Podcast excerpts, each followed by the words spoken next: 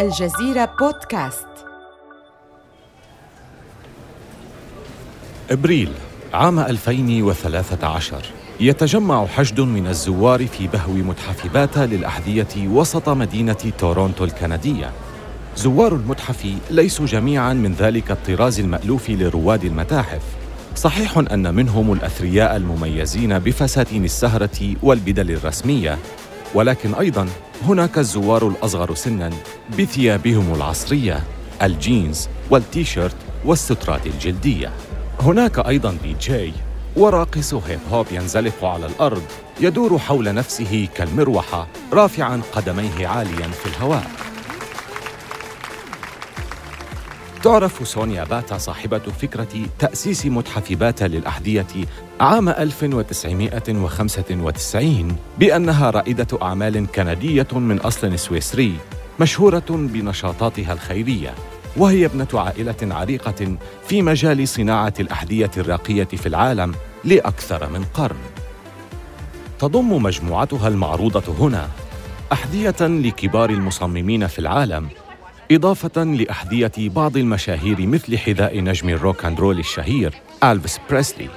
كما تضم المجموعة أيضا زوجا من أقدم أحذية الكعب العالي في العالم.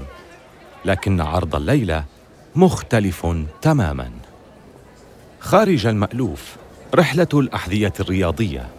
كان هذا عنوان المعرض الذي يتتبع نشأة الأحذية الرياضية وكيف تحولت من مجرد أحذية رياضية وظيفية لتصبح علامة بارزة في سوق الموضة العالمي. يتجول الزوار حاملين مشروباتهم بين واجهات المعرض الزجاجية. البداية مع أحد أحذية السباق المهترئة التي تعود للقرن التاسع عشر وزوج من الحذاء الأكثر شهرة. كونفرس أول ستارز يعود إلى مطلع العشرينيات. ثم ينقلنا المعرض بعد ذلك إلى حذاء سامبا ذي اللونين الأبيض والأسود الذي صممه آدي داسلر مؤسس شركة أديداس. إلى جواره حذاء منافس من شركة بوما. هو حذاء التمارين الرياضية اليومية الذي حمل اسم كيكس. نجد أنفسنا سريعاً في مطلع السبعينيات السنوات التي شهدت بدايات النمو الفعلي لشركة أمريكية ناشئة هي شركة نايكي. السنوات التي شهدت بداية الحرب في سوق الأحذية الرياضية الحديثة. في أحد هذه الصناديق الزجاجية يستقر حذاء نايكي المعروف باسم وافل ريسرز الذي صممه بيل باورمان الشريك المؤسس لشركة نايكي. ونال هذا الحذاء شهرته عندما ارتداه العداء الأمريكي الشهير ستيف بريفونتين. حذاء آخر مستدير الرأس. لا يزال ينظر إليه كأحد أروع تصاميم نايكي على الإطلاق هو نايكي كورتيز. الحذاء الذي حمل باورمان وشريكه فيل نايت إلى مستوى جديد من الشهرة في الولايات المتحدة. بعد بضعة صفوف سنجد مجموعة من الأحذية وضعت نايكي على القمة The Air Force One. باللونين الأبيض والفضي الذي أنتج عام 1982 يليه حذاء إير جوردن بألوانه الجريئة الأحمر والأسود لتناسب زي فريق مايكل جوردن لكرة السلة شيكاغو بولز. بوضع الأحذية في مثل هذه الصناديق الزجاجية التي تستخدم عادة لحفظ المنحوتات القيمة خلق المصممون والقائمون على هذا المعرض مفهوما جديدا حول هذه الأحذية.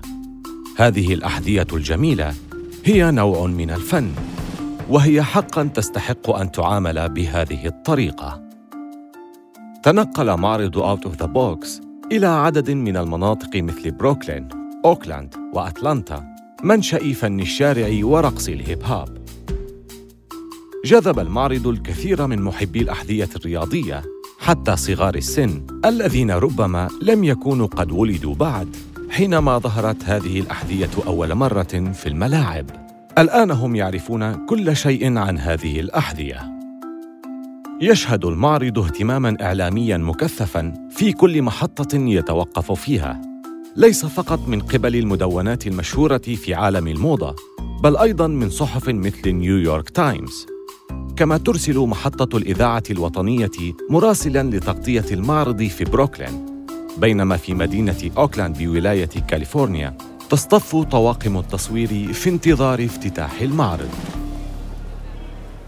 صفوف طويلة من الزوار قطعوا عشرات الآلاف من الأميال ليشاهدوا هذه المجموعة ويلتقطوا صور سيلفي أمام أكثر الأحذية الرياضية شهرة. كتب أحد النقاد الفنيين إنها ليست مجرد أحذية رياضية بل فرصة للتعبير عن الذات ومشاهدة إلى ما يمكن للمصممين الوصول إليه بمواد بسيطة مثل المطاط والنايلون والبوليوروثين. لم يعد هناك شك في أهمية ومكانة الأحذية الرياضية في عالم الأزياء العصرية بعد الآن. لكن في الوقت الذي تحظى فيه هذه الأحذية الرياضية بالتقدير كنوع من الفنون لا تزال المنافسة مستمرة بين الشركتين اللتين صنعتا أكثر هذه الأحذية. وكل منهما الآن شوكة في حلق الأخرى.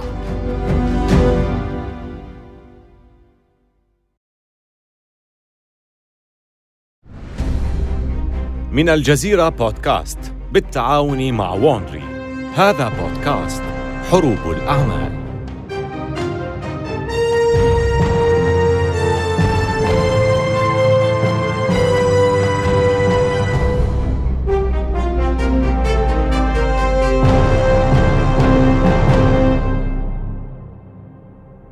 عندما ترى اصطفاف الجماهير لمشاهدة أحذية رياضية قد يماثل سعرها وربما يفوق أسعار منتجات غوتشي العلامة الإيطالية الفاخرة في الأزياء.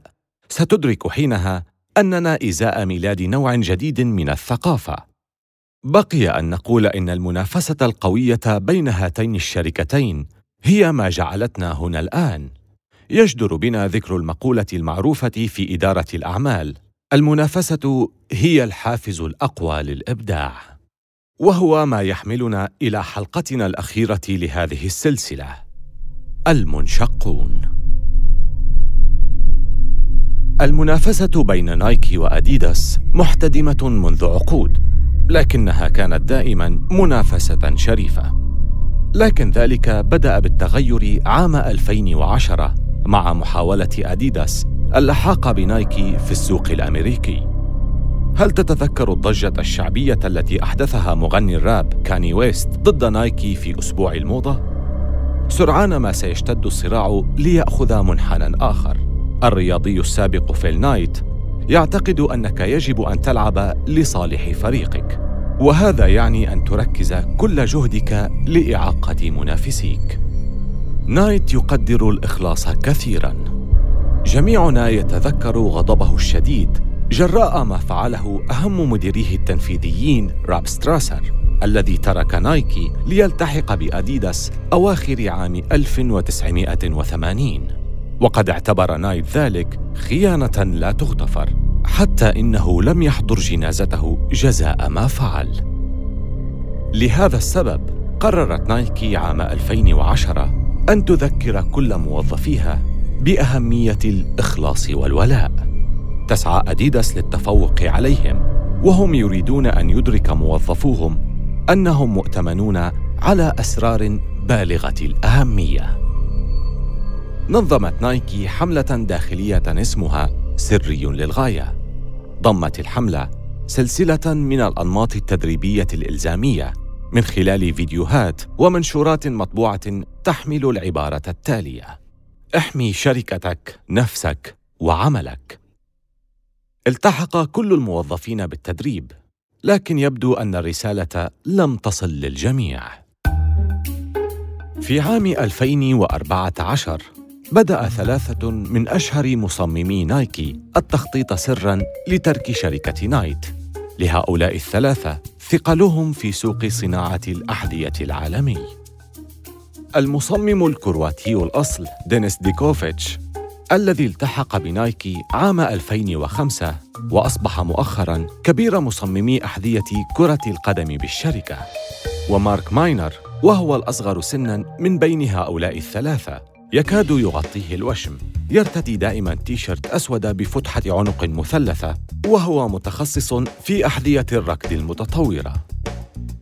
وأخيرا مارك دولسي وهو الذي ساعد في تطوير معظم أحذية نايكي الأكثر شهرة بداية من The Air Force 1 وحتى حذاء لاعب كرة السلة كايري إيرفينغ الخاص. ديكوفيتش ودولسي وماينر ثلاثة من أذكى مصممي نايكي الطموحين ضاقوا ذرعا في الآونة الأخيرة بسياسات نايكي الجديدة في المقر الرئيسي للشركة خاصة الحملة الأخيرة. يفكر الثلاثة في جمع مواهبهم معا وتأسيس مشروع خاص بهم. سيشيرون إليه في مراسلاتهم باسم The Satellite ولديهم أيضا فكرة عمن يمكن أن يمول هذا المشروع. إذا كنت قد سمعت الحلقات السابقة فأنت تعرف أن أديداس حاولت جاهدة على مدار السنوات الأخيرة استعادة حصتها في السوق الأمريكي. افتتحت في سبيل ذلك مكتبا كبيرا في مدينة بورتلاند الأمريكية كما وجهت ضربة قوية مؤخرا لنايكي بالاستحواذ على أحد مصمميها السابقين وهو براين فوريستا الذي عينته أديداس رئيسا لقسم كرة السلة. بدأت جهود أديداس تثمر على أي حال بالرغم من أن نايكي لا تزال صاحبة النصيب الأكبر إلا أن حصة أديداس تزيد تدريجيا كل شهر. ديكوفيتش ودولسي وماينر معجبون بما يرونه من أداء فريق أديداس في بورتلاند. وهم على ثقة أن بإمكانهم المساهمة في نقل الشركة إلى مستوى أعلى من ذلك إن تولوا زمام الأمور. يؤكد ديكوفيتش لأصدقائه ذلك باستمرار في المراسلات البريدية بينهم والتي كشفتها فيما بعد الدعوى القضائية التي أقامتها نايكي ضد المصممين الثلاثة. نحن لا نقدم أنفسنا باعتبارنا ثلاثة مصممين فقط. نحن نقدم أنفسنا كأفضل فريق في العالم. ماذا لو اختاروا أحدنا فقط دون الآخرين؟ لن أنضم إلى أديداس بدونك أو بدون ماينر.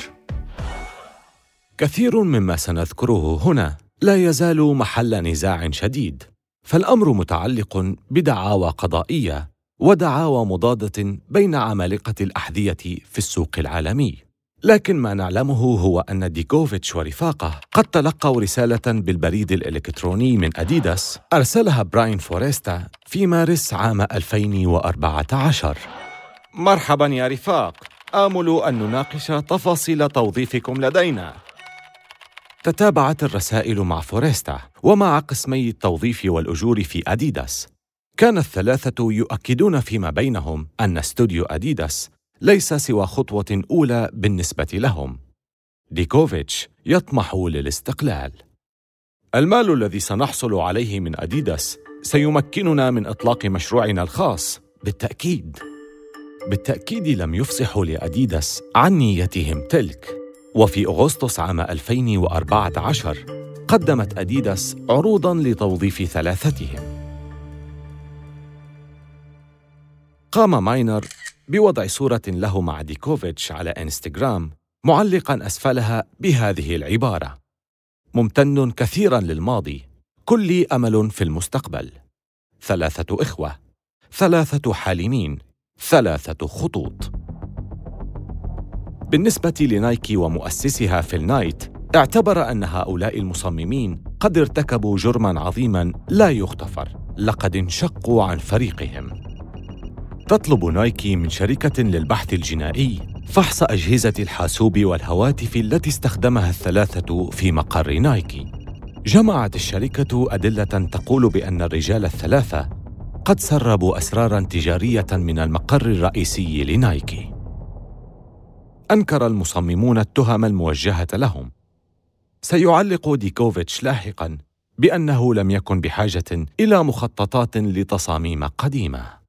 ما أعرفه عن تطوير منتجات نايكي وتصاميمها. هو معلومات قديمة وقريبا جدا ستسجل كتاريخ ليس أكثر. كما أنه بالنسبة لشخص مبدع مثلي جبل على الإبداع والتجديد لا حاجة لي بها. ولو علمت أن أديداس تريد توظيفي لديها من أجل تنفيذ أفكار نايكي ما قبلت العمل بأي حال من الأحوال. في ديسمبر رفعت نايكي دعوى قضائية ضد المصممين الثلاثة تطالب بتغريمهم عشرة ملايين دولار بتهمة انتهاكهم للعقد والتآمر مع المنافسين. على الصعيد الآخر يرد المصممون بإقامة دعوى مضادة ضد سياسة التهديد التي تتبعها نايكي. لكن ما من سبيل قانوني يمكنه إعادتهم لنايكي. وفي عام 2015 يتوصل الطرفان لتسوية سرية بعيدا عن القضاء لم يعلن عن تفاصيلها إلى اليوم. يترك المصممون الثلاثة النزاع القضائي خلف ظهورهم ويشرعون في إعداد متجرهم في أحد المخازن القديمة في بروكلين المدينة التي أصبحت مرادفا لكل ما هو عصري ورائج. لقد ملأوا المكان بأسره بكل ما هو ملهم. قصاصات من الأقمشة. بعض الرسومات كما علقوا كثيرا من الإعلانات القديمة لأديداس تعود لبداية الشركة ومجدها في أوروبا. عينوا عشرات من المصممين الجدد وأطلقوا على المكان اسم المزرعة بهدف أن تكون أرض الأحلام للمصممين كما صرح بذلك أحد المديرين التنفيذيين. أصبح المكان بيئة للإبداع تجذب إليها المواهب الجديدة. إنه كل شيء كانت تملكه نايكي ذات يوم وهو الآن مؤشر لما يمكن أن تصبح عليه أديداس في المستقبل.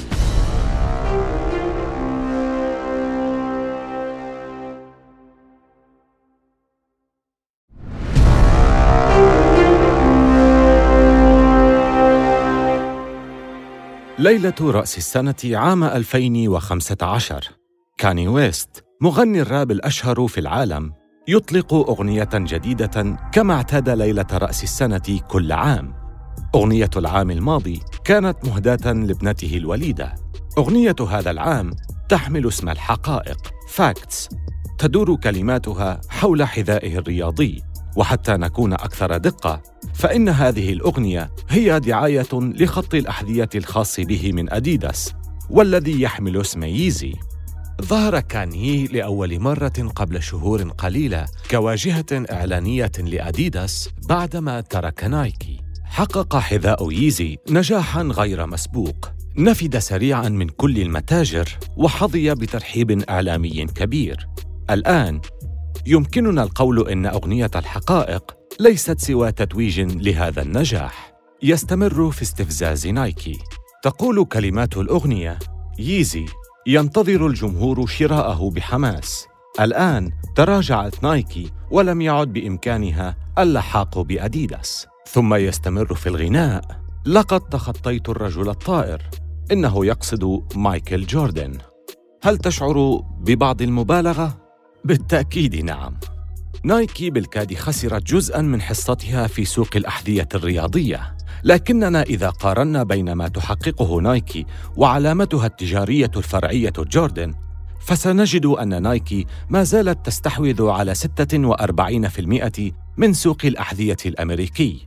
لكن وعلى كل حال فإن أديداس تتحرك بخطوات صحيحة مدروسة وحذاء ييزي هو إحداها.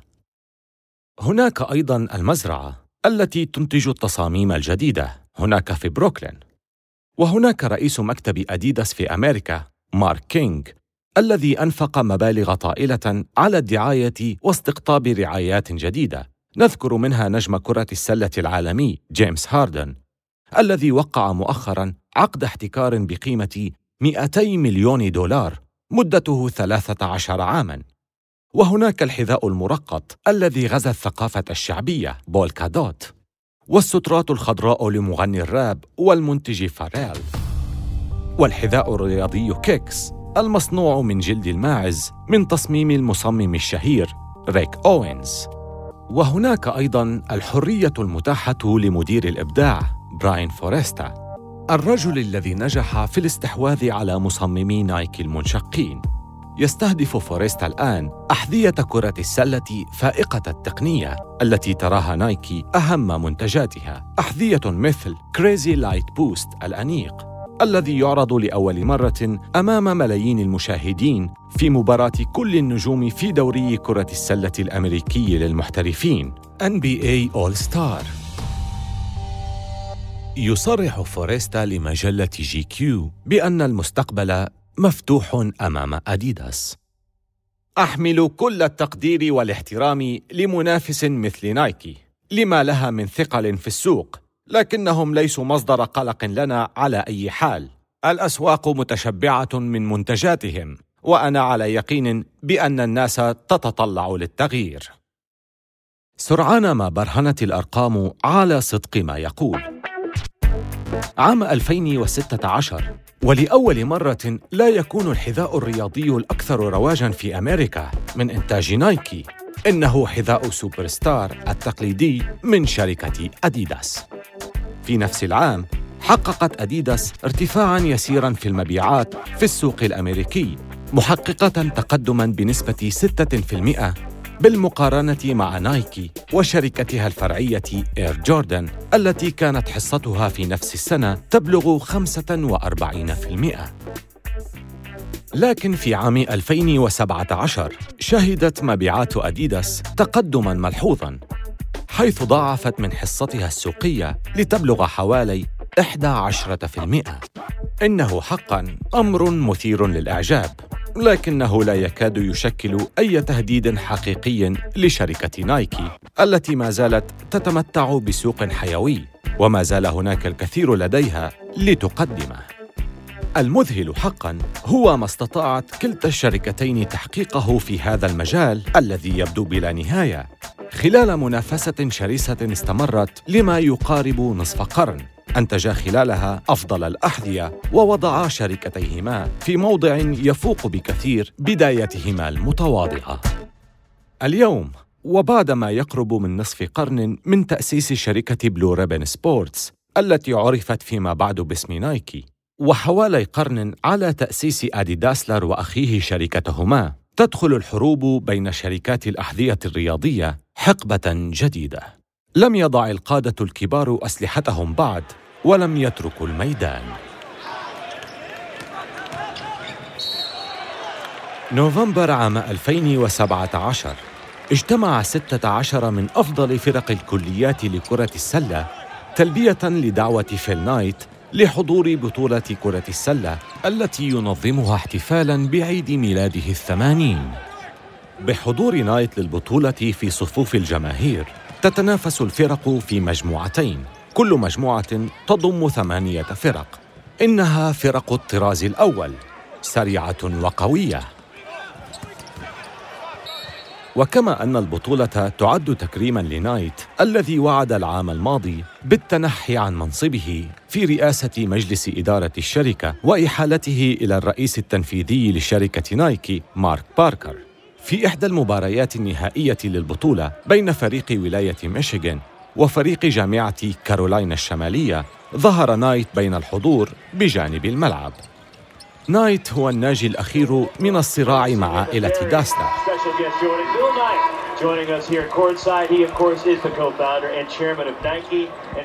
يرتدي قميصا أسود مع سترة سوداء ويضع سماعتين في أذنيه. وهو يقف بين اثنين من مذيعي شبكة التلفزيون الرياضية ESPN لتسجيل مقابلة قصيرة. تحدث عن الأيام الأولى لنايكي وكيف أنه قضى عمره عداء وحتى الآن لا يزال يمارس رياضة الركض ولو بسرعة أبطأ تكاد تشبه المشي إلا أنه يقطع مسافة تقترب من 20 كيلومترا يوميا بينما يستمع إلى الكتب يتحدث أيضا عن مايكل جوردن اللاعب السابق في جامعة كارولاينا الشمالية الذي حقق حذاؤه الذي ارتداه من صنع نايكي ملايين الدولارات. سأله أحد المعلقين الرياضيين ما هي النصيحة التي يقدمها للجيل القادم من رجال الأعمال؟ هذا الجيل أذكى كثيرا من ذي قبل لكنهم يخشون الفشل. نصيحتي هي ألا تخافوا الفشل.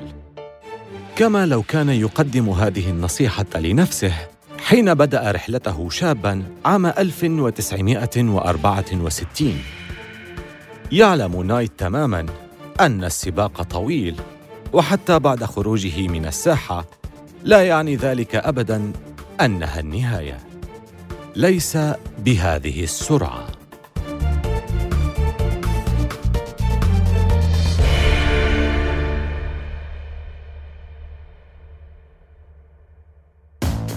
آمل أن تكونوا قد استمتعتم بهذه الحلقة من حروب الأعمال. استمعوا إلى حلقاتنا عبر أبل بودكاست وجوجل بودكاست وشاركوها مع أصدقائكم. ولا تنسوا زيارة موقعينا على الإنترنت wandry.com وبودكاست.الجزيرة.net وملاحظة سريعة حول المحادثات التي سردناها. لا يمكننا أن نعرف بالضبط ما قيل ولكن هذا الحوار مبني على أفضل الأبحاث التي قمنا بها. إذا أردت أن تقرأ المزيد عن هذا الموضوع فكاتب هذه الحلقة يرشح لك كتابين رائعين. استعان بهما لكتابة هذه الحلقة. حروب الأحذية الرياضية Sneaker Wars للكاتبة باربرا سميث ومذكرات فيل نايت. هذه السلسلة من حروب الأعمال قدمت في الأصل من قبل ديفيد براون. كتب القصة ماثيو شاير. كارين لوي هي المحررة وكبيرة المنتجين. قامت Bay Area Sound بتصميم الصوت. والمنتج المنفذ هو مارشيل لوي. أنشأها هيرنان لوبيز لشبكة Wondery.